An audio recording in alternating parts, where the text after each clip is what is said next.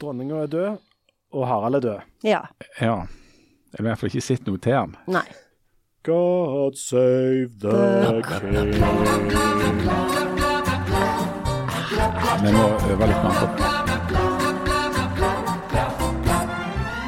På Nord-Jæren ser bompengepartiet til å dø helt ut, og det betyr mest for eh, Høyre. Så har det vært valg i Sverige. Vi har noen rasister som rasler med en bitte, bitte, bitte liten sabel. Og Harald Birkevold har i dag null å si. Null. Nada! Nada. Nothing. Nothing.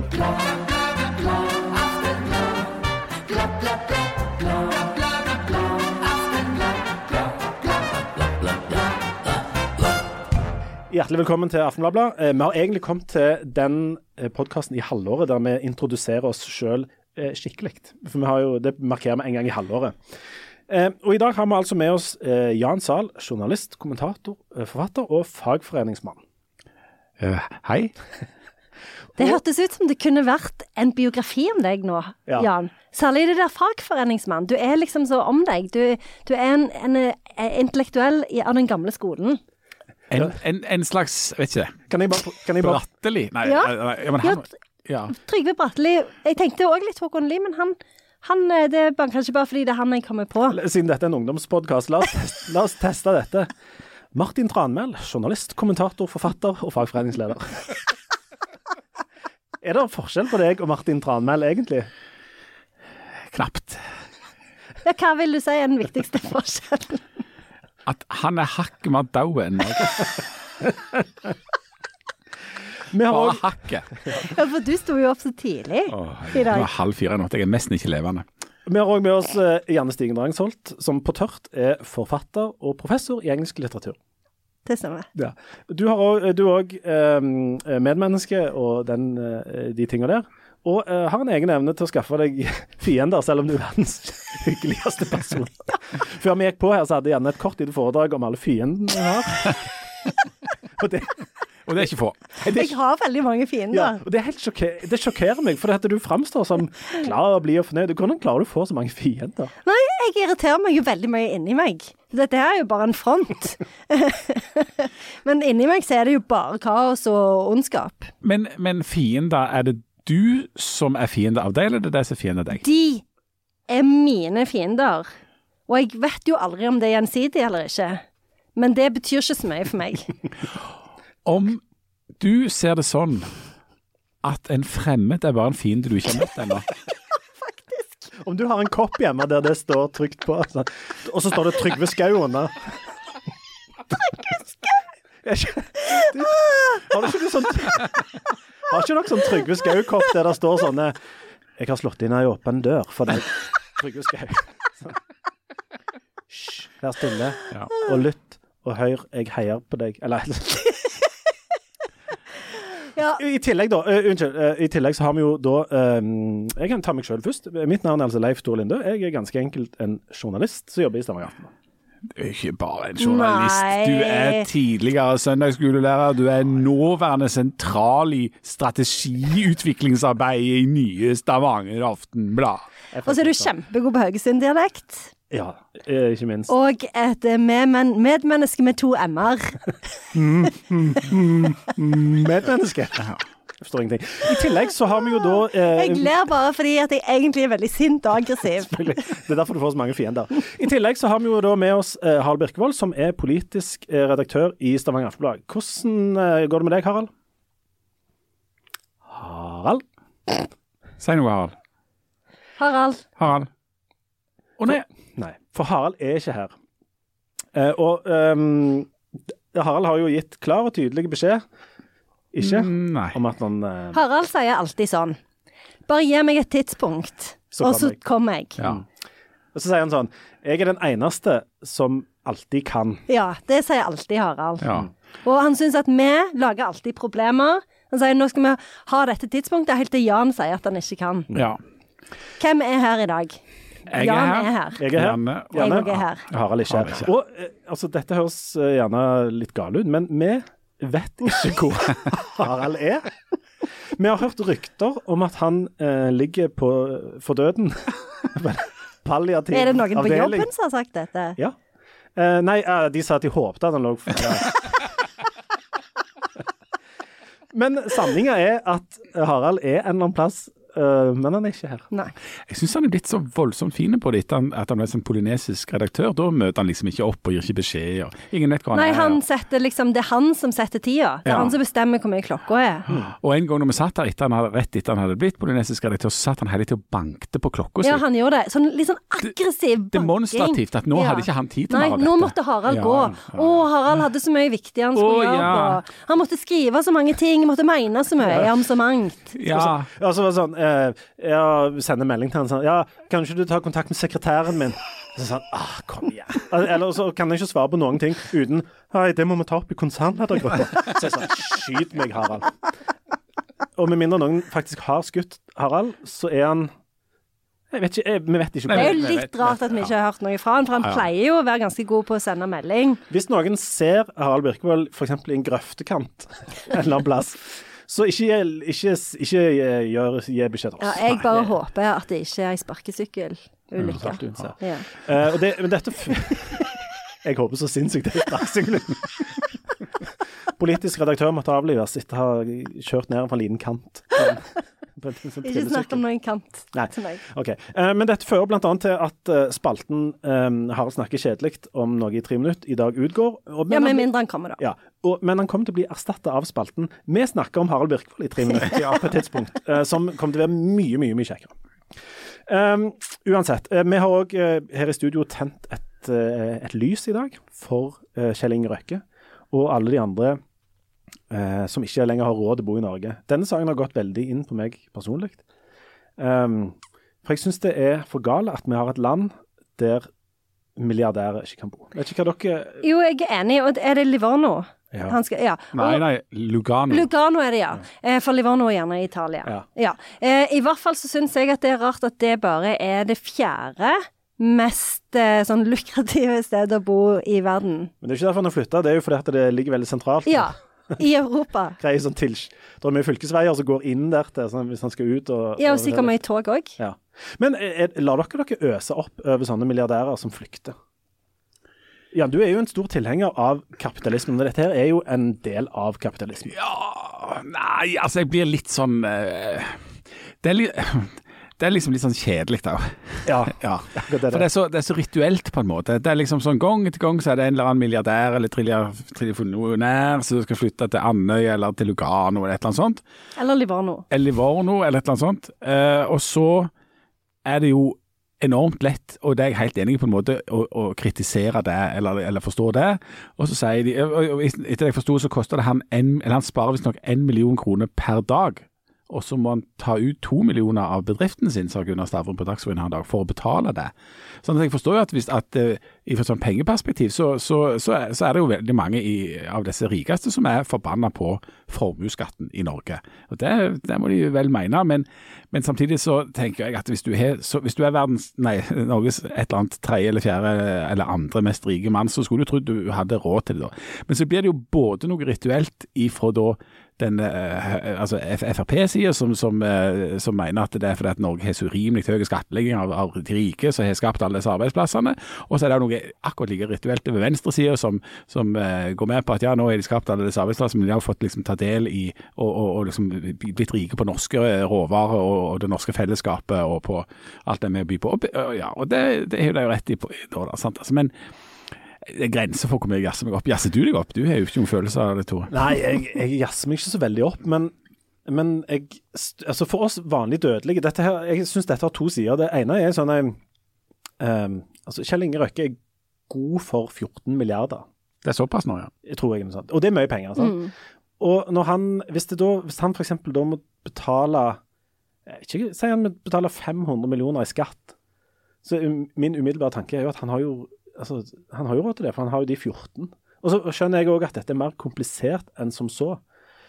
Um, men jeg eh, og, og på et litt sånn høyere nivå så tenker jeg sånn Hvis Kjell Inge Røkke ikke eh, har lyst til å betale så mye skatt til Norge, hvorfor skal vi andre synes det er så stas å betale skatt og, og lyge og si at jeg betaler min skatt med glede? Er ingen av oss gjør det. Det er sånn tvangsmessig med det med skattegreiene. Og hvis alle de der rike folka som har gjort seg rike, f.eks. på olje eller fisk eller hva det er for noe, hvis de eh, finner ut at eh, nå har jeg så mye penger at jeg ikke har råd til å bo i Norge lenger, noe de jo egentlig har, så lurer jeg på om det smitter over på oss andre, og, og liksom vår vilje til å bidra inn til det fellesskapet. Det, det kan godt hende. Nå, jo, nå ble han jo rik ikke på norsk fisk, men på fisk borti Amerika, borti USA. sånn at det stemmer ikke helt den at det kun er norske råvarer han har tjent seg rik på. Og så er jo argumentasjonen mot formuesskatten at eh, de som eh, er sinte på det her, er jo ofte at det er en slags form for sånn dobbeltbeskatning. For du betaler jo skatt når du jobber og når du eh, driver på og sånt. Så dette og så Hvis du da bygger deg opp en formue, så skal du skattes av det en gang til. Så, så, og Det samme er jo noe av diskusjonen rundt arveavgiften. Så det, det er jo legitimt å diskutere skatt og hvor mange ganger du skal skatte av noe. Men, men, men hovedutgangspunktet eh, skulle, en jo tro var at hvis du har kolossalt mye, så har du råd til å betale eh, ganske mye. Og, og Kjell Inge Røkke har jo fram til for ikke så lenge siden profilert seg på at han har vært sosialdemokrat og stemt Arbeiderpartiet og liksom tenkt fellesskap eh, samtidig. da. Og, men, så, men så har jo på en måte høyresida rett i, og det sier for så vidt Arbeiderpartiet òg, han har jo skapt enorme verdier eh, og masse arbeidsplasser i Norge. og Det skal jo fortsette. altså Driften av, av firmaet skal jo fremdeles være her. Så det er sånn, eh, det, er noe sånn litt rituelt over det, og det er for så vidt en interessant diskusjon på ett vis, men og litt grann kjedelig. Det, og det er egentlig veldig veldig kjedelig. Fordi at eh, Mm, vi, ender er bare opp med, vi, vi ender bare opp med å, at alle står og sier det de sa fra før. Altså, det, det forandrer liksom ingenting. Enormt kjedelig. Ja, og selvfølgelig. Det er liksom den der eh, følelsen som du får når ingen melder seg som klassekontakt. Det er akkurat det det. Liksom bare sånn Ja, OK, gidder du å aldri melde deg? Jeg får vel liksom Får vel melde meg, jeg, da. Jeg var i andre klasse, jeg vil gjerne melde det, men det er greit. Men, men, men det, som, er- det som jo folk lurer på, det er jo at er sånn som du, Janne, da, som er på formuestoppen i, i Sandnes, og jo er en av de rikeste i hele Sandnes kommune. Har du og denne ultrarike ektemannen din, har dere vurdert flytting til Andøy eller Lugano eller Liverno? Shut the fuck up. Men OK, bare som et tankeeksperiment, og nå er vi inne i den intellektuelle delen av denne podkasten. Ville du, Jan, f.eks. vært villig til å flytte til Gjesdal for å slippe moms? Jeg vet ikke om det er et relevant spørsmål, men Hvor- eh, Hvor i Gjesdal? Okay. Det er blitt så fint akkurat i Ålgård sentrum når de har bygd opp noe Ja. rundt noe sånn der Ja, elv oppe med og den der fotballbanen der. ja. Ok, men eh, eh, jeg, for jeg har gjort et sånt eksperiment av og til. Uh, F.eks. hvis du er ute og kjører i Norge, så kan tanken av og til slå meg. Hvor mye penger skal jeg ha for å bo her i f.eks. Mm. ett år eller fem år? Ok, Jeg har hytta nede mot Sørlandet. Vi kjører forbi Moi, Mm. som jeg ikke tenker er en sånn uh, umiddelbar sånn drømmested for meg å bo. Og så har jeg tenkt når jeg kjører forbi OK, hvis noen gir deg dette tilbudet Hvis du bor i det huset der i halvannet år, så skal du få det. Om det er det huset i den svingen nær forbi Moi der. Akkurat det det er. Det er det samme huset. Har du tenkt det samme? OK, hvor, hvor lenge er du villig til å liksom ta denne støyen? Nå vet jeg jo at Moi og Lugano eller Liverno eller hvor det var, ikke er det samme. Men er du villig til å liksom strekke deg langt for å tjene de ekstra pengene? Jeg er veldig redd for at jeg hadde liksom gått og drukna i denne I år nå? bassenget. Ja, Men det er vel voldsomt gunstig klima på Moi, det er jo ja en del av det. Syden. Det er det. Det er jo Rogalands Syden. Det er ikke, nei, det er ikke det. Ifølge min farfar som hadde hytte i Lyngdal, så er det sånn at når du kjører nedover, så lysner det på Moi. Når du kjører nordover igjen, så begynner det å regne på Moi. Ja, det er sant. Det er vel egentlig sant, det. Så grensa går ikke på Moi. Det er ikke der Syden begynner. Men Jan, du da, er du villig til å flytte? Ok, Ikke til Gjesdal pga. momsen. Si at du kan eh, slippe unna med halvparten av skatten, men da skal du bo i Lund kommune. Ja, men dette finnes det jo ordninger for i Norge. Eh, Dette, altså, Finnmark, Troms og Finnmark? ja, Troms og Finnmark er- har jo et annet skatteregime. eh, Og Jan Mayen eller Svalbard, eller hva det er for noe, er det ikke en annen slags form for skatt der? Sant? Så det, at dette er jo noe vi betaler for. For Jeg husker vi snakket om det helt seriøst etter studiene. For at hvis du bosetter deg i Troms og Finnmark, så fikk du nedskrevet studielånet veldig mye fortere. Så dette er jo en, en helt sånn konkret problemstilling. Jeg sto ikke til på noe av det. Jeg kjenner ingen som slo til på det. Ikke jeg heller. Nei, ingen av dere har hatt Finnmarksfradraget på, på liksom skatteseddelen og sånn? Skal vi bare konkludere med at vi bare bor der vi bor, og så Ja. får um, Lykke til i Livorno. Ja, ikke sant. Ja. Og når vi først snakker om penger i, på, I forrige uke, ganske nøyaktig ei uke siden, så døde jo faktisk en av verdens rikeste personer. Um, eller dronning Elisabeth. Dette var et helt sånn nytt perspektiv på det dødsfallet. En av, altså, når vi først snakker om penger. Ja. Men det var Det var forfriskende. en elegant eh, Ja, veldig overgang. elegant. Mm. overgang. Uh, hun hadde jo uh, 96 år, og hadde sittet på denne tronen i 70. 70 år. Som er helt absurd. Altså, det er faktisk lenger enn Harald Birkevold har levd. Nei, det er det. Jeg tror han er 69. Ja. 69,5. Noe sånt. Men han er jo ikke her, så han får jo ikke eventuelt avkrefte eller bekrefta det. Og ingen, vet hvor han er. Nei. Får ikke, får ikke forklart det. Og det, vi får, det får vi I minneordet hans så skal vi prøve å skrive det riktig. Um, hun uh, Altså, 1952. Det er jo sjukt, sjukt lenge siden.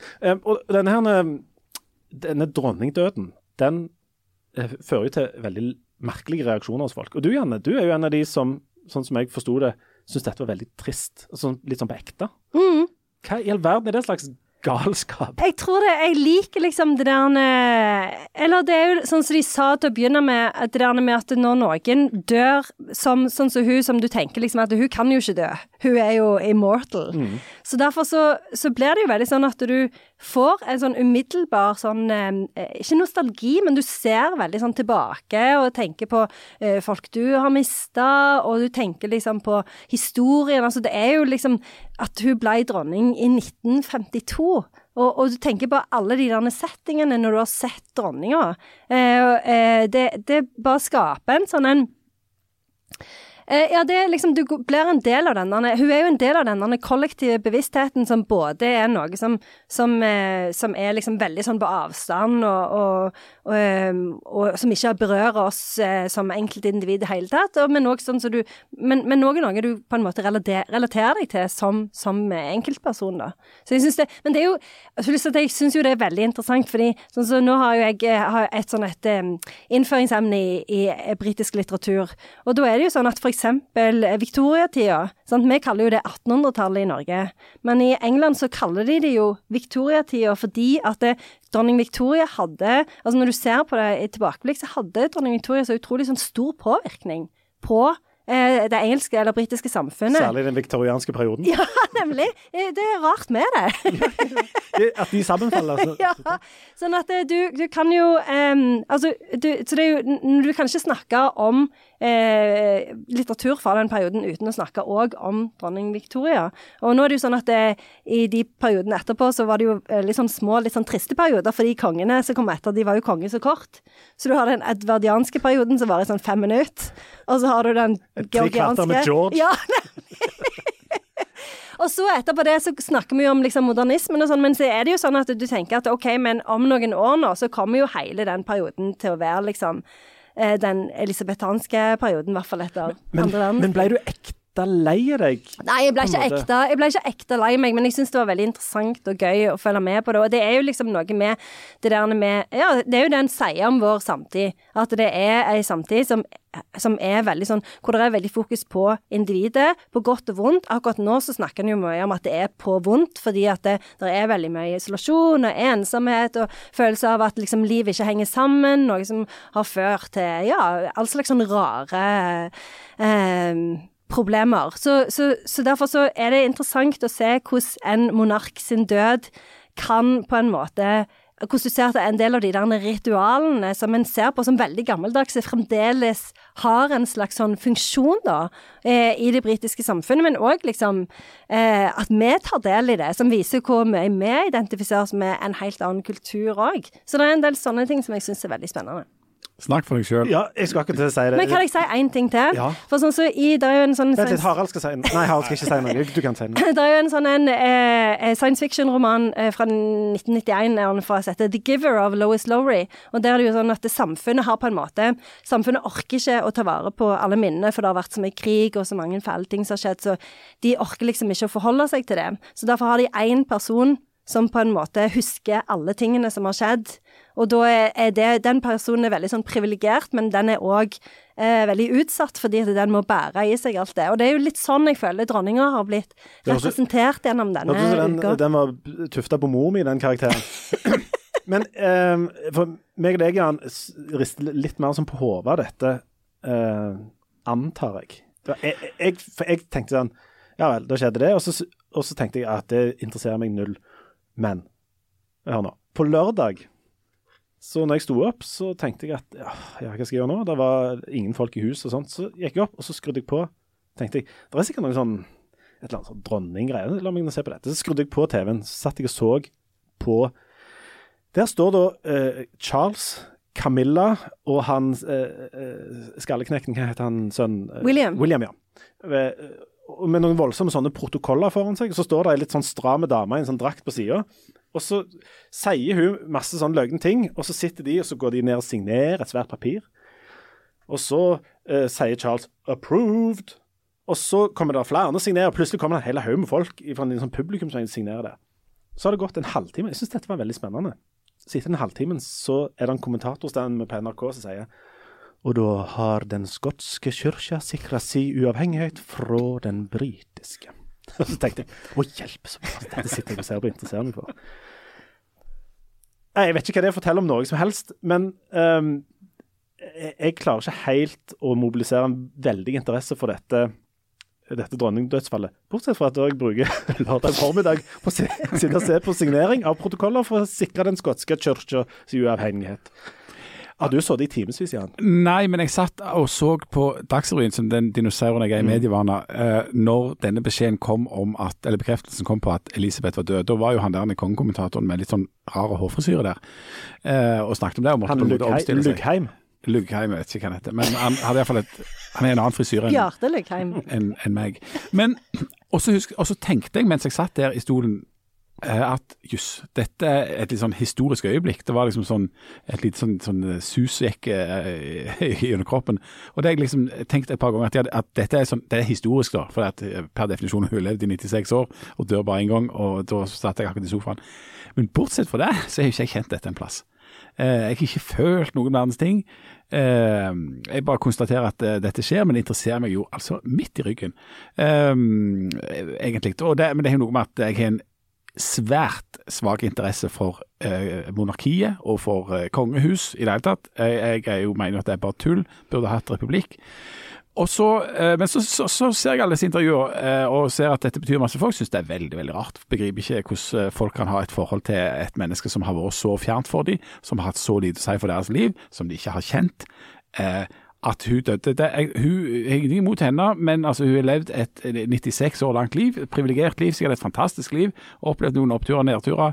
Eh, Sikkert hatt eh, swell på et vis. Uh, Topp stemning. Men så, men, men så lurer jeg på noe gjerne i forhold til det du snakker om, om den viktorianske perioden, og at det nå senere så vil det da bli eventuelt den elisabetanske perioden. Men da lurer jeg litt på sånn årsak og virkning. Var det, var det Victoria, eller noe Victoria gjorde, som førte til at det viktorianske samfunnet ble sånn som det viktorianske samfunnet ble?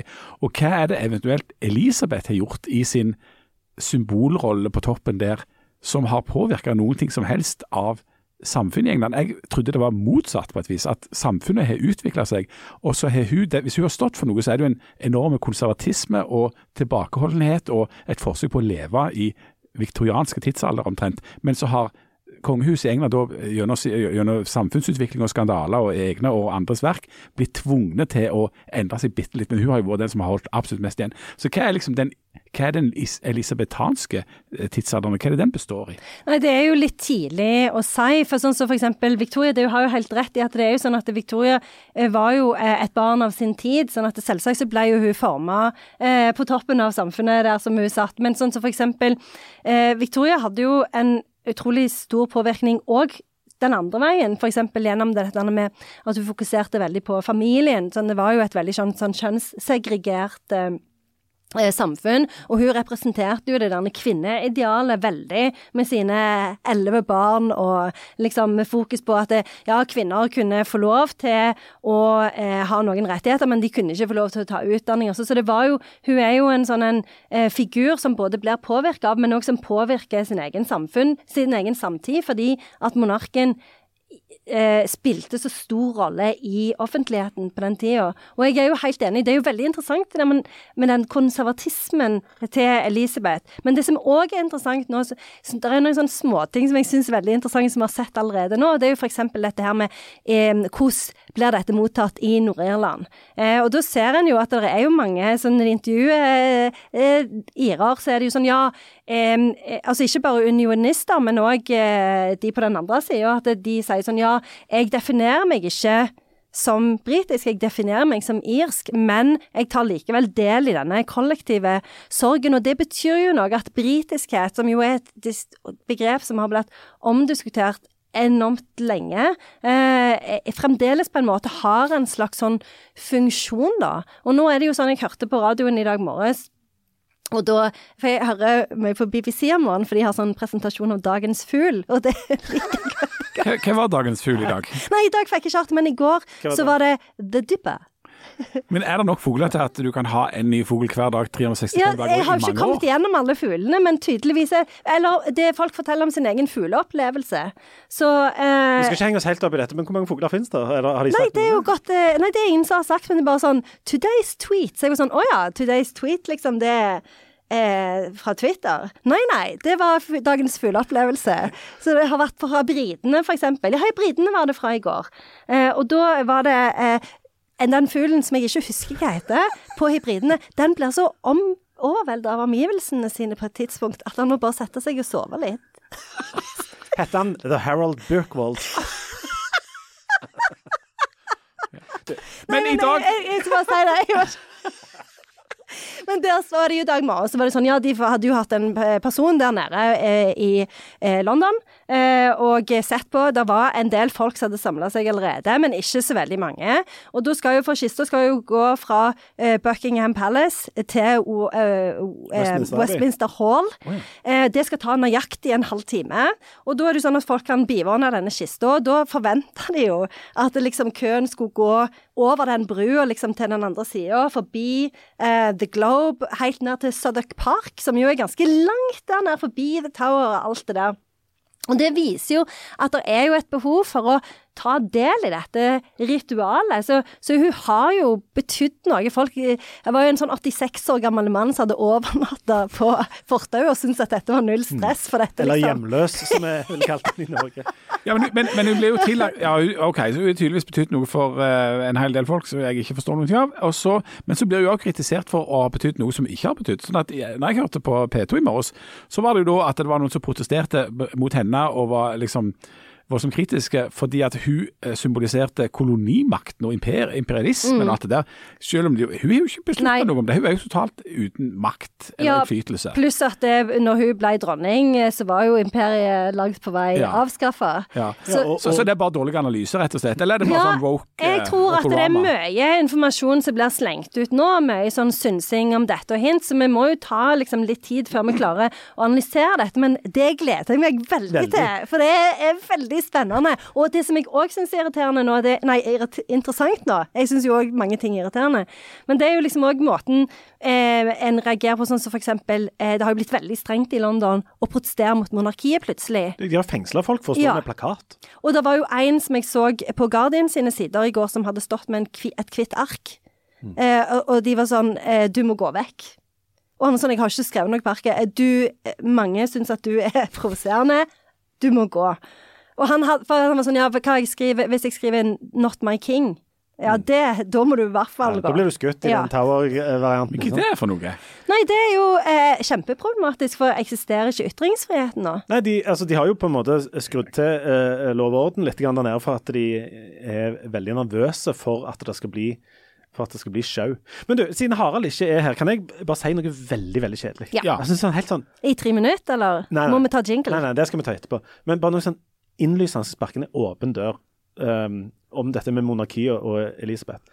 Den, denne betydningen hun har hatt, handler ikke den om å være noe kjedelig, traust og likt og liksom sånn bestandig i særlig en sånn periode i verdenshistorien der alt har forandret seg. Altså, eh, Storbritannia er ikke det det er. Altså, alle disse her landene som Det er det, men det er ikke det det var. Nei, for det er ikke det det var som det det er, som de sa. Mm. Er det òg også Trygve ja. Skau? Ja, det er Trygve Skau. Det står med sånn Trygve Skau-kopp. Det er ikke det det var. Det er det det, det var.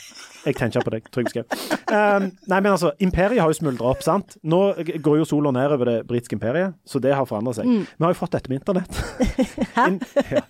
Altså, det har skjedd en og annen ting fra 1952, men jeg, jeg tror det er veldig mange som setter pris på det der er noe som er likt, noe som er bestandig. Og dronning Elisabeth har jo um, det har sikkert forandret seg mye. De har sikkert både internett og strøm og innlagt vann og alt på det slottet nå.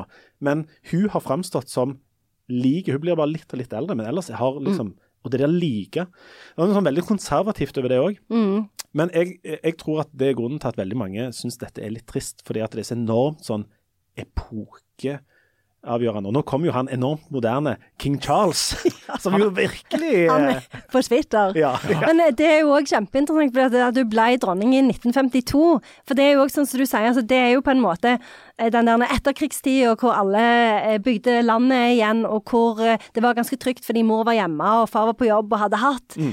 Så at hun representerer jo òg det. Eh, Den der eh, Som er jo en periode som i hvert fall i, sånn i USA har kjempenostalgi for, men som kanskje òg det finnes en slags sånn nostalgi for hos oss. For det var jo da liksom Det er jo det Erlend Lo skriver om hele tida, liksom, at de gjorde jo ting. De bygde landet og sånn, mens vi gjør jo ingenting. Bare suller rundt. Jeg, jeg, jeg tror det neste skjellsettende opplevelsen til britene, det kommer til å være når denne meldingen kommer. This is the BBC. We're all out of birds. Det kommer de aldri til å si. Ikke si det. å begynner jeg, da kommer jeg til å grine. Det da rakner for meg òg. Da må jeg flytte til den der svingen. Da begynner du å høre på P4. Ja, Men jeg er jo òg litt bekymra for Charles. fordi at til å begynne med så var jeg sånn tenkt sånn Ja ja, dette kan gå bra. Jeg, lik, jeg er jo veldig Diana-fan, som dere vet, så jeg har alltid hatt et litt komplisert forhold. Og du forhold. mer på Diana enn på han Charles, for jeg har alltid vært i Charles-gjengen. Syns han er veldig kul. Liksom. Ja, men det var jo litt synd på Charles òg. Eh, oppi det hele. Men i hvert fall så syns jeg det liksom både Først var det jo den der, det der klippet hvor han blir veldig irritert fordi det står noe sånn sølvskrin Ja. i veien når han skal signere noe. Kjempeløye. Og så har du det klippet fra i går, hvor han først signerer feil dato, så får et hissig-fit fordi fyllepennen begynner å lekke. Så det lover jo ikke godt. Kjempeløye. Han kunne blitt lærer. Et siste spørsmål om Nå har vi snakket ca. 25 minutter lenger om kongehuset enn det vi hadde tenkt i dag. Men sånn er det når, når vi først får vant mølla. En siste ting. Den, eh, jeg, en ting er Storbritannia, men når, dette, når det er så enormt mange som driver med sånn Facebook-sørging og sånt i Norge, hvor tett tror dere det henger sammen med TV-serien The Crown?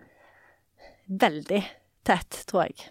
Fordi at du, det òg har sikkert påvirka eh, denne sørginga. fordi at det føl, gjør jo i hvert fall at du føler at du har et sånn et én-til-én-forhold. Fordi uten den serien så hadde, jo, hadde jo hun vært et frimerke og noen mynter og, og noen sånn eh, T-skjorter fra London og sånt. Men eh, vi tror jo at vi vet hvordan hun har vært etter 1952 pga. den serien. Ja. Det må jo ha betydd enormt mye. Ja, det tror jeg òg.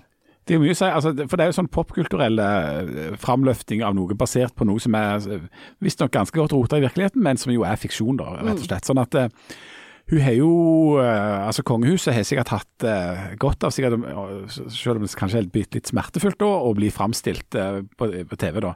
Og så er jo diskusjon, diskusjonen da om hun så det eller ei. Og det er jo ikke helt avklart ennå. Ungene har visst sett, eller iallfall barnebarna.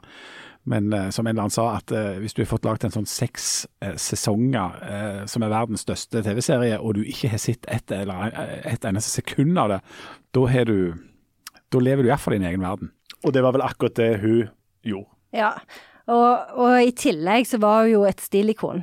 Eh, og jeg har tenkt å ganske snart begynne å kle meg nøyaktig likt dronning Elisabeth. Og jeg er jo mer i Charles-leiren, så jeg kommer til å følge han i alle I motbildet til enhver tid. Nå skal vi ta en eh, liten pause. Når vi kommer tilbake igjen, skal vi snakke litt om eh, litt lokale meningsmålinger. Vi skal snakke tre minutter om Harald Birkvold.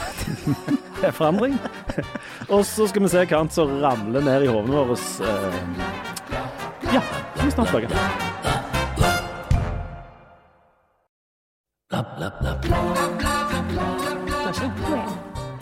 Bare han. Ja. Han svarer ikke på Men noe. hva, vent, dere tror ikke han er død? Burde vi tatt kontakt med familien? Det er jo litt rart at vi ikke har hørt noen ting. Hvem er det som eh, har han, Hvem er hans nærmeste pårørende? Er det djevelen, eller? Jeg, jeg kan ikke Kan det være liksom Kan det være djevel? Det blir bare spekulasjoner fra min side. Men hva- altså, hvem andre vil? Nei, Kan det være kong alkohol? onkel L. Ja, ja, Det er du som er oppgitt som Harald Virkevolds nærmest Og du er tre. Nei, jeg vet ikke. Jeg har ikke peiling.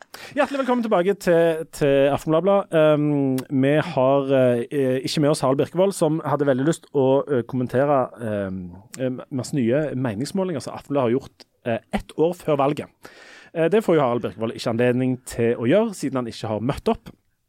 Eh, så da gjør vi det istedenfor.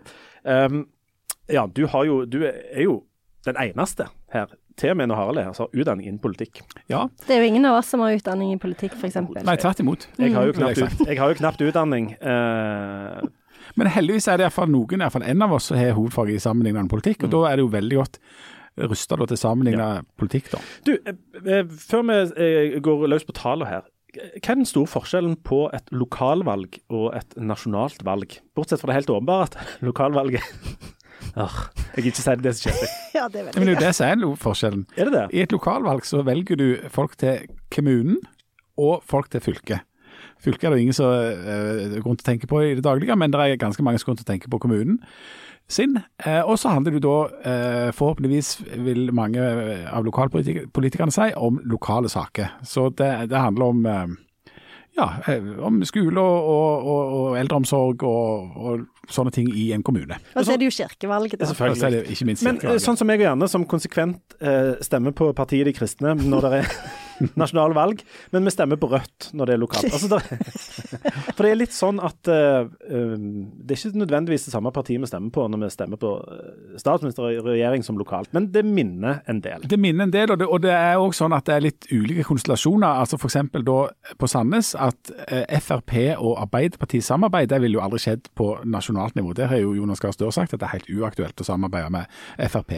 Sånn at det, det er, det er en hel del forskjeller. I lokalvalg så er, jo, så er det jo en større nærhet til de du skal velge, da. Så, det, så der tror jeg at, at eh, kandidater og enkeltpersoner nok spiller større rolle når folk eh, stemmer. De kan se en eller annen eh, person som de har sans for, og så er det ikke så farlig hvilket parti vedkommende representerer, hvis de mener at dette er en strålende person. Eller det kan dukke opp veldig um, avgjørende saker. og Det var jo det, dette som avgjorde sist lokalvalg i Sandnes og Stavanger, nemlig at det dukket opp én sak som overtok på en måte alt, og som skapte et parti, nemlig Ja. Bompengepartiet.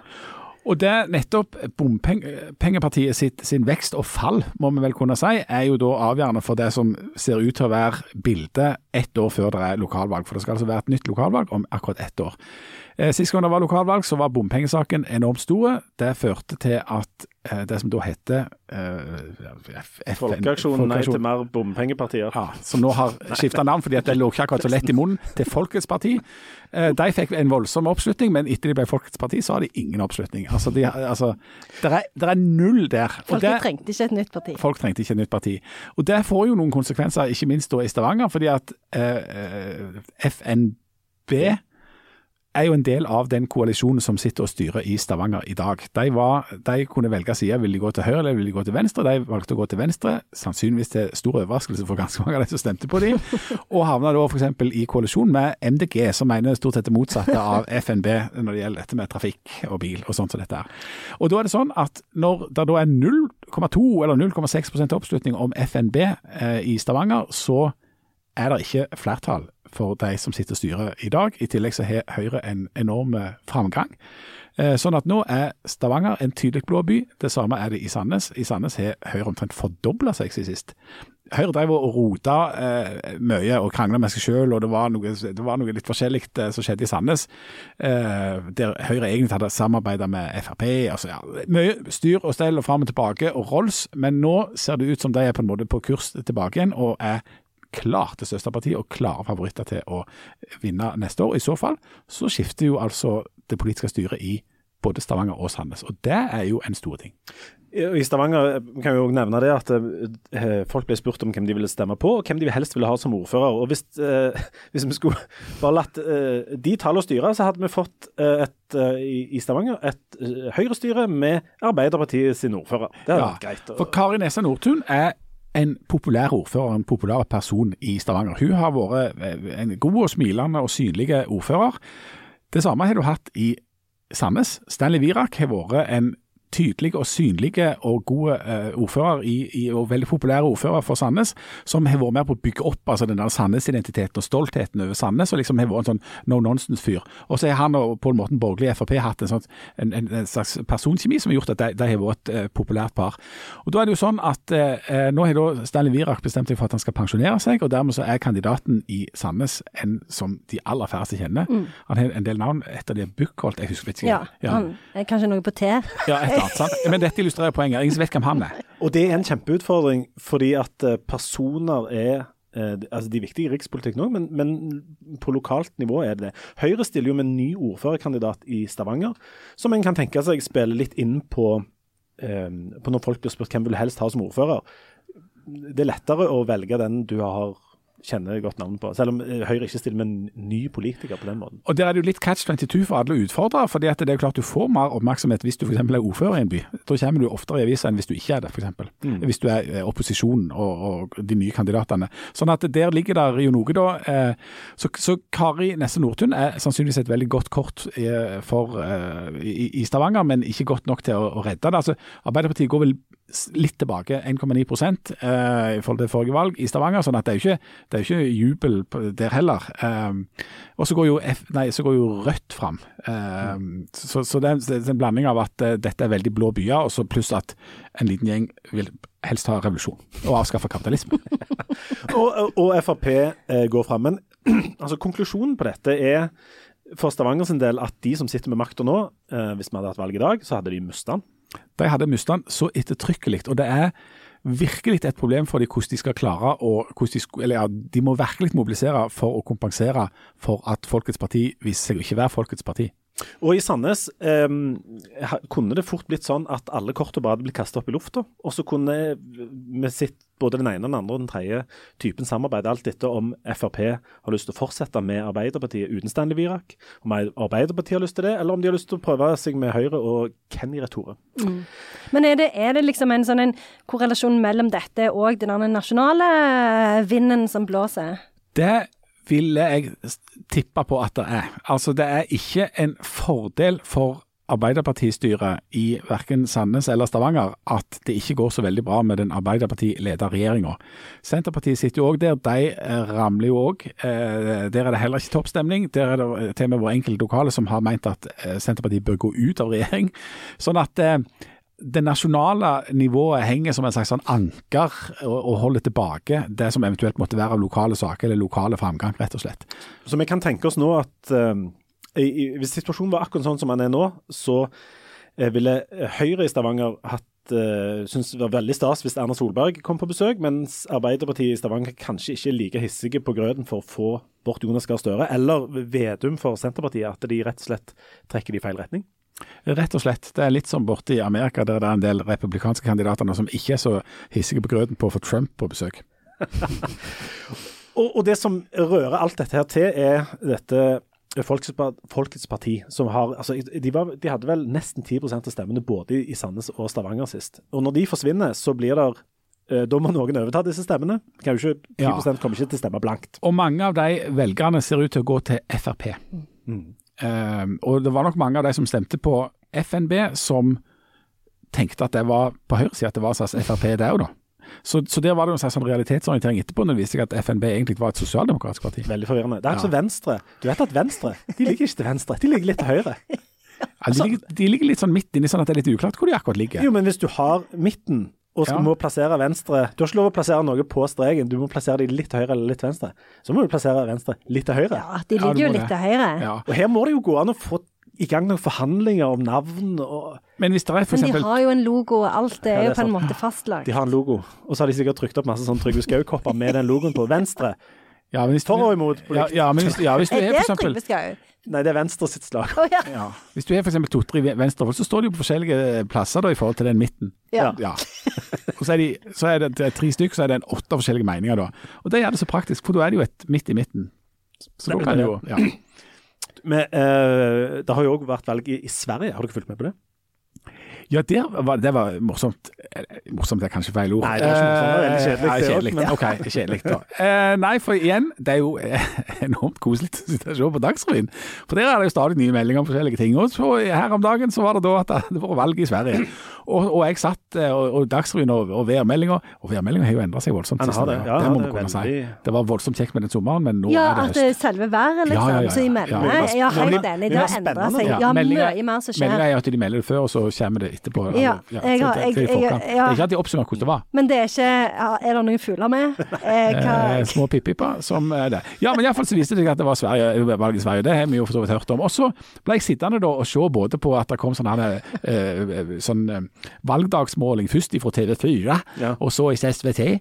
Eh, og det viste jo at eh, her kom eh, sosialdemokratene til å fortsette å styre. Her var det den Rød-grønn. rød-grønne side som, som vant. Og så, og så ble jeg sittende og kikke på det en stund, og så teksta jeg litt med noen kompiser om det, og litt sånn analyse på lågt nivå der, og ja ja, og alt dette her. Så gikk jeg og la meg, og så når jeg sto opp igjen, da var det motsatt. Nemlig. Utrolig irriterende. Ja. Eh, det det var litt forvirrende. Det som skjedde i Sverige, er jo at eh, Sverigedemokraterna, som det, det, er ikke helt rett å si at det er et slags svensk Frp, men de kommer fra langt ute på høyresida. Veldig forvirrende parti fordi at de vil både ha verdens strengeste innvandringspolitikk og er, kan man si, innvandrerskeptiske, fiendtlige, et eller annet i den gata der. Samtidig skeptisk er et eh, forsiktig ord. Ja. Ja. uh, ja. De, uh, de er tilhengere av et nokså homogent Sverige, kan man, uansett. I tillegg til at de vil ha verdens største velferdsstat, men kun for svensker. Uh, men Sverige ser ut til å ende opp med hø- høyre høyreregjering. Ja, en, på en slags måte. Altså, det, fall, de, vel, eh, per, altså, det varierer jo litt, det der, men per sist jeg sjekket, så hadde de liksom den blå blokka én stemmes overvekt. Det betyr ikke at det er enkelt å lage regjering da, for at du skal lage regjering med tre-fire parti. Eh, er blant annet et par av de partiene har sagt at de iallfall ikke vil eh, samarbeide med ett av de partiene. Altså Liberalerne har sagt at det er helt uaktuelt å sitte i regjering med Sverigedemokraterna. Sverigedemokraterna har jo fram til for kun kort tid siden vært helt giftige i svensk politikk. Alle de andre partiene sier at de der skal vi ikke samarbeide med, vi prøver å holde de ute. Um, så hvordan de skal gjøre nå, det er litt uklart. Men nettopp det at de har blitt støtt så voldsomt ut av det gode politiske selskap, har jo da folk da reagert på. Såpass mange at 20% av den svenske befolkninga stemmer på dette partiet, og tydeligvis mener dette. Så den strategien med å isolere de holdningene, eller liksom holde de vekke, er jo, har jo vært sånn dels eh, delvis vellykka, kan man si. og det er såpass harde fronter det at det er vel fremdeles partiledere i Sverige som ikke vil ta Jimmy Åkesson, som er lederen for dette partiet, i hånda. Ja, og det er et dårlig utgangspunkt for f.eks. et regjeringssamarbeid. Samtidig så har det jo vært sånn at i Norge så har jo populistiske parti som har vært langt ute på fløyene, eh, eller midt i sentrum som Senterpartiet nå, eh, hatt en viss sånn realitetsorientering en viss læring av å måtte bli et ansvarlig parti, og ikke bare et parti som står på utsida og skriker. Sånn at eh, hvis Sverigedemokraterna nå altså Dette, dette må, måtte vært en eventuelt positive taken på det, da, at hvis Sverigedemokraterna ble nødt for å føre en slags ansvarlig politikk, fordi at de òg ble ansvarlige for den politikken, så kan det jo hende at de jo hadde eh, vokst litt, eh, ikke, i- ikke, prosent sannsynligvis, men i en slags forståelse av hvordan virker, eh, politikk virker. Men, men Sverige er jo, altså dette valget har jo blitt preget av av innvandring og av kriminalitet. Eh, altså Sverige har jo hatt en voldsomt romslig innvandringspolitikk. De har hatt en ikke-eksisterende integreringspolitikk. Det er en helt ekstrem økning i kriminalitet, grov kriminalitet og mord og drap og kniv og alt i hop. Og gjenger, kriminelle gjenger der borte som, som lever helt sånn separat ifra det svenske samfunnet. Sånn at eh, det, det er jo interessant at det velmenende, eh, åpne, rause Sverige har ført til en situasjon der de er i enormt sosialt trøbbel, rett og slett. Altså, De svenske tilstandene finnes. Eh, vi fikk jo ikke stemme med det svenske valget, det er jo alltid litt kjedelig. Men jeg Ja, og kanskje litt urettferdig. ja, hvorfor er det ingen som spør oss? Vi bor jo rett på sida. Det er litt sånn, akkurat som du skal klippe hekken. Det er faktisk greit å avtale med naboen hvor høy den skal være. Men det, det er en ting. Jeg satt og så på svensk TV når de hadde sånn Når dette var på sitt mest sånn spennende, når det hoppte litt sånn fram og tilbake sånn. Um, og til slutt så klarte jeg ikke å følge med på hva de sa, fordi at eh, det var noe med det svenske språket der som finta meg litt ut. Det var noen som sa sånn Ja, Sosialdemokratene Sosialdemokraterna har Liberalene for det. Og til slutt så gikk det der ned, hørte jeg bare sånn Sossene er liberalene. Nå er det marsipanerna som har tatt Pakistanerne har gått 0,5 fram i Skånes. Og, og, og ja, Mesopotamia har gjort et, et godt valg. Og hippuranerne jeg, Til slutt så ramla jeg helt ut, og så måtte jeg bare skru av og så bare vente og så lese på det på norsk heller, for jeg klarte ikke skille de forskjellige partiene. I, I Danmark er det jo sånn at der heter de sånn Venstre, kn, Lille Venstre, Stabkors. kors. ja, Nærmkarlsen Venstre. Pluss at når jeg hører svensk, så går det veldig fort over i sånn Astrid Lindgren-modus. Ja. Og det er også litt forstyrrende. Sossarna vunnet Emil og Pippi, kom alle sammen! Nå reiser det, De har reist til Amerika for å tvette, kjekene. Så du blir jo bare forvirra, sant? Og så hva tid som helst så kan de begynne sånn Du Gjør meg som barna, Jimmy Åkesson. Hei. Oi. Så det er vårt forhold til det svenske valget, da. Ja. Men du, kan, det, går an, det går an å knytte en an For vi skal sikkert runde av akkurat det temaet. Ja. Jeg føler det er jeg som er overtatt det med å sitte og snakke tre kjedelige minutter. Jeg syns du gjør en Nei, nei, kjempefin jobb. Jeg syns det er interessant når du snakker Og det var bra. Det var, det, tenk hvis noen andre liker det. Det tror jeg. Nei, men, Jeg tror ikke- jeg eh, ikke det jeg skulle- Nei.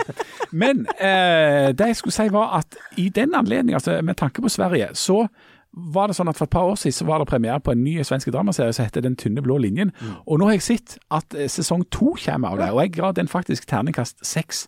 Og mente det var svære greier. Den er ifra midt i denne diskusjonen, for det handler om politiet i Malmö som må manøvrere i ja, i en situasjon med masse kriminalitet, med masse eh, innvandrerbydeler og andre bydeler der folk eh, lever kompliserte liv, og de skal prøve å liksom opprettholde ro og orden, og, og de blir filma, og, og det er anklager om eh, politivold og altså, altså et enormt press fra alle kanter som det omtrent er umulig å manøvrere i. Så det var eh, Hvis en vil, så kan en se seg opp på første sesong av Tynne blå linjen, eller begynne på og, Jeg gleder meg i hvert fall til sesong to. Og hvis vi har lyst til å late som om dette er, er, er noe som er, er like galt i Norge, så kunne vi jo stilt opp som sånn motprotestanter på når Sian, denne eh, flotte og sjarmerende eh, samfunnsnyttige organisasjonen, eh, hadde demonstrasjon i Stavanger.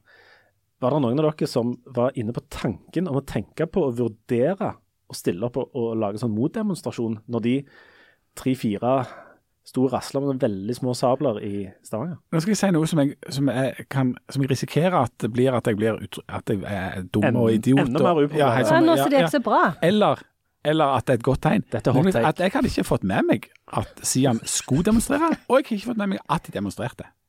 Det er såpass, ja. Ja. Jeg vet det, men den eneste grunnen til at jeg vet det, er at jeg hadde noen barn eh, som gikk forbi Sian. Syntes de var veldig dumme, syntes det var veldig unødvendig at de var der. Eh, og som bare liksom ignorerte.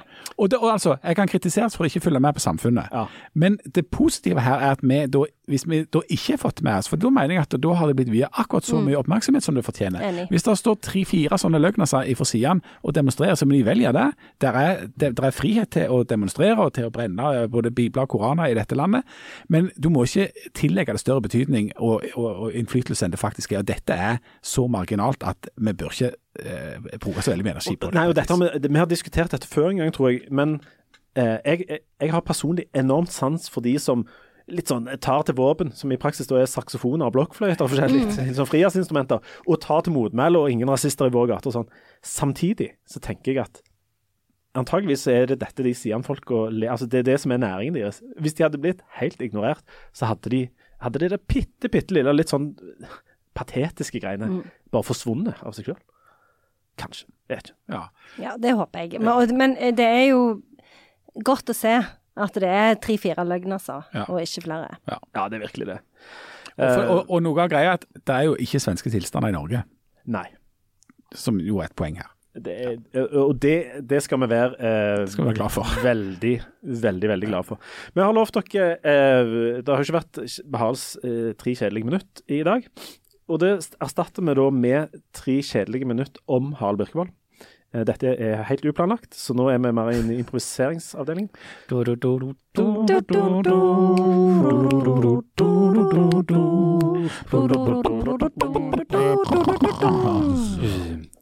OK. Så nå får dere ca. tre minutter med improviserte faktaopplysninger om Harald Birkevold, som går på omgang mellom oss som sitter her i studio. Jeg kan begynne.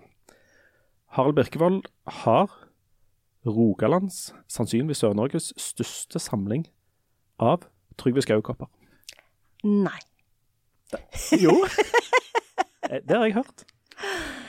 Harald Birkevold liker voldsomt godt å stå ute i eh, garasjen og snikre ting, og sage kanskje litt, og så tar han fram et bår, og så bårer han kanskje, kanskje skrur han i ei skrue.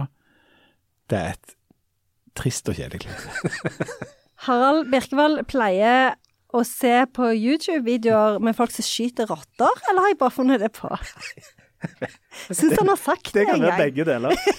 Han hadde jo en periode der han så, veldig, eh, så eh, sånne YouTube-videoer med folk som puster på båt eller på planker eller forskjellig, som jeg syns var veldig, veldig, veldig rart. Uh, ja, ikke vet jeg. Harald Birkevold liker veldig godt å sitte og se på småfugler og mate dem. Det er jo òg et veldig dårlig tegn. Og, det er så, og han har så nært forhold til det at han er tatovert på en arm. Det stemmer. Harald Birkevold reiser et par ganger i året eh, opp i, for å isolere seg eh, utenfor eh, det, altså plasser der det ikke er telefondekning. Og disse oppholdene blir avbrutt med korte turer ned der det er telefondekning, for å sjekke eh, hvem som har ringt. Det er aldri noen som har ringt. Harald Birkevold er uønska i eh, forskjellige bydeler i Bergen, så vidt jeg kan huske. Det er bare hun gamle dama der med den hekken. Dere må høre dere litt tilbake igjen for å få tak i de historiene, men det stemmer. Han er erklært uønska i enkelte by, bydeler i, eh, i Bergen. Har vi flere faktaopplysninger om uh, Harald? Harald Birkevold har kun nummer 41 i sko. Jeg trodde det var 39. Han er jo veldig, veldig små hender og føtter. han har egentlig 39 i sko, men han går alltid i 41. sånn innleggssåler. Ja, Han er en av de få som har sånn en egen såle i, liksom i tuppen på skoen. ja. Eh, men visste dere at han farger håret grått? Jeg har hørt det. Men, Men er han egentlig 24 år? Nei. Nei, nei, han er enormt gammel. Men han, men han syns det ser så distingvert ut med sånn uh, grått hår, så han farger håret grått. Og så har han også begynt å bruke briller, for det syns han ser så intellektuelt ut. For han følte han så litt dum ut uh, før. Med, altså med god grunn, men, ja. men nå, eh, nå er han liksom sånn Men det er, altså det, er, det er ikke noe styrke i de brillene. Uh, siste faktaopplysning. Harald sendte nettopp en melding til oss der han informerer om at han er fullstendig utslått med influensa. Ligger hjemme og eh, småspyr eller noe. Og, Altså banna noe. Det Ja. syns jeg var litt unødvendig. og så hadde han sovna. Vi lyser fred over Harald Birkevolds minne, eh, og satser på at eh, han ikke er med neste gang heller. For det er altså, Hvorfor skal han egentlig det? For dere som savner Harald Birkevold, så kan jeg anbefale Instagram-kontoen vår. Der er det en flott video av Harald Birkevold som flytter en, en grønn eh, palme. Eh, den har fått veldig mye skrøyt. eh, Ja, rundt omkring. kanskje litt i hvert fall. Ja, ikke så mye. Jeg har fått skrøyt av oss sjøl. Eh, og så Ja, Ja. Er vi ferdig med han nå? er vi ferdig? Ja. Vi er Ja. Um, jeg har et uh, spørsmål til Jammes Jannes helsespalte. Ja. Fins det en mannlige overgangsalder? Ja, og det er et veldig godt spørsmål, og jeg vil tippe ja. Fordi at eh, kvinner sin overgangsalder ble jo ofte knytta opp mot at du da får, kan ikke få barn lenger, menstruasjonen opphører osv. Men jeg vil jo tro at det er en del ting med kvinner sin overgangsalder som òg eh, rammer mannen. For eksempel så er det jo sånn at eh, en del av disse eh, eh, endringene bare er at du blir gammel. Sånn du får mindre sånn underlagsfett, eller hva det heter. Og du får jo grått hår, og det blir mer sånn Eller farge det. Det er jo noen som farger Ja, ja, det. det Noen farger det godt. eh, og- Og så har jeg hørt at kvinner òg legger på seg mellom 5 og 15 kilo i overgangsalderen. Fordi at eh, du mister jo evnen til å Hva det heter Forbrenning. Forbrenne maten. Eh, og da tenker jeg at de tingene må jo òg ramme menn. Så da, hvorfor er, ikke, er det ikke mer snakk om en mannlig overgangsalder? Dessuten hørte jeg òg i dag, for det var en sånn Twitter-tråd som jeg leste som var veldig interessant, at det er veldig mange kvinner som klør veldig i ørene når de er i overgangsalderen. Og det har jeg lagt merke til sjøl. Jeg klør veldig, veldig i ørene hele, hele tida. Og det tenker jeg er sikkert òg noe som rammer menn i menn sin overgangsalder. Jeg klør enormt mye i øynene. Ja, da er det sikkert overgangsalderen, vil jeg tro du er. Han er jo, han er jo bare 28 Jo, år. Det er jo noen som får overgangsalderen veldig tidlig. Ja, for det, ja jeg, du må bare men, men vet vi noe om Altså, er, er dette sånn medisinske ting som fins? Ja. Det fins kvinnelige Ja, overgangsalder, det har jeg- medisinsk, det har jeg men jeg har aldri hørt om en mannlig. Nei, men jeg eh, tenker jo at det, det fins. Det kan vi bare slå fast her og nå i eh, Jannes helsespalte. Men, ja, for at jeg søver jo, jeg jo knapt. Ja. Og så er det, er det Nemlig, jeg- det var jo det vi snakket Ja. om. Fortell om ditt søvnmønster, igjen, for det er jo spesielt. Ja. Ja, ja sånn som jeg i, i natt, da la meg til å sove, sove en sånn rundt midnatt, og så våkna jeg halv fire. Og det var, for Jan sa det til meg, og da sa jeg herlighet, Jan, du er garantert i overgangsalderen. Det må jo være det. Jeg kan ikke tro noe annet. Ja, men i går, og forhåpentligvis i natt, så klarer jeg kanskje å sove en seks-sju timer. Men Men du kan jo håpe. ja, det er lov å håpe. Men uh, det Men fordi at du våkner, så er du lys våken, eller? Ja, ja, ja. ja. Har du nattsvette?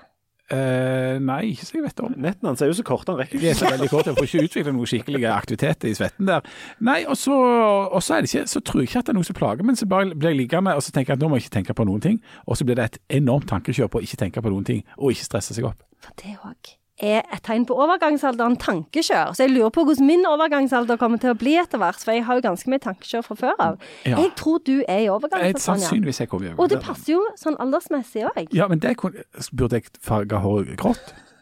Ja, det er vel på tide. Det er vel på tide Ja. kanskje. Greie det bakover, så farge det grått? Ja. Ja, Og begynne å gå med store sko. ja, ja voldsomt store sko og så noen store hornbriller.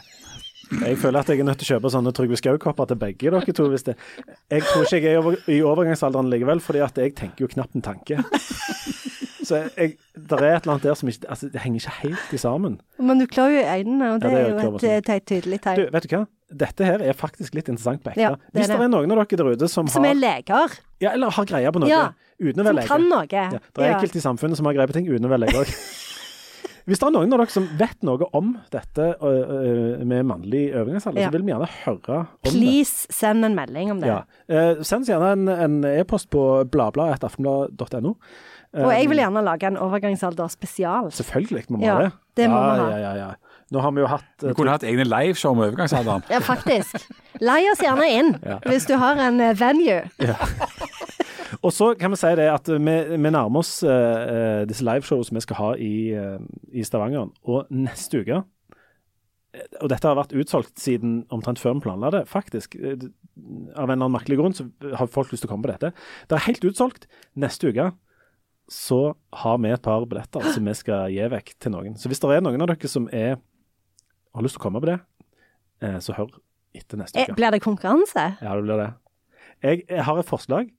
Eh, At det kunne vært den som skriver det fineste minneordet etter Harald. Om det kunne vært noe. Beste nekrologen på maks Si maks 500 tegn. På en kopp? Ja, så vi kan, det må kunne trykkes på en kopp. Og det må kunne synges av Trygve Skau på tidspunkt. Nå, nå begynner jeg å se for meg begravelsen til Harald der Trygve Skau sitter. Og man sitter han liksom fram For det er sånn liten trapp kanskje Ja. opp til alt, og så sitter kanskje Han litt sånn Cornelis Vresvig-aktig sånn. Hei sann, Harald. Hei sann, krabben. Nå ligger du nede på hoggestabben. Det var dags nu, sa gikk faen? Skal bare der i helvete for. Men kan vi gå og ta igjen etterpå? Ja, vi skal det. Her er en, sånn sensuell låt. Vi har holdt på altfor lenge lenge. Nå gjør vi oss. Snakkes neste uke. Eh, ha det. Ha det. Ha det.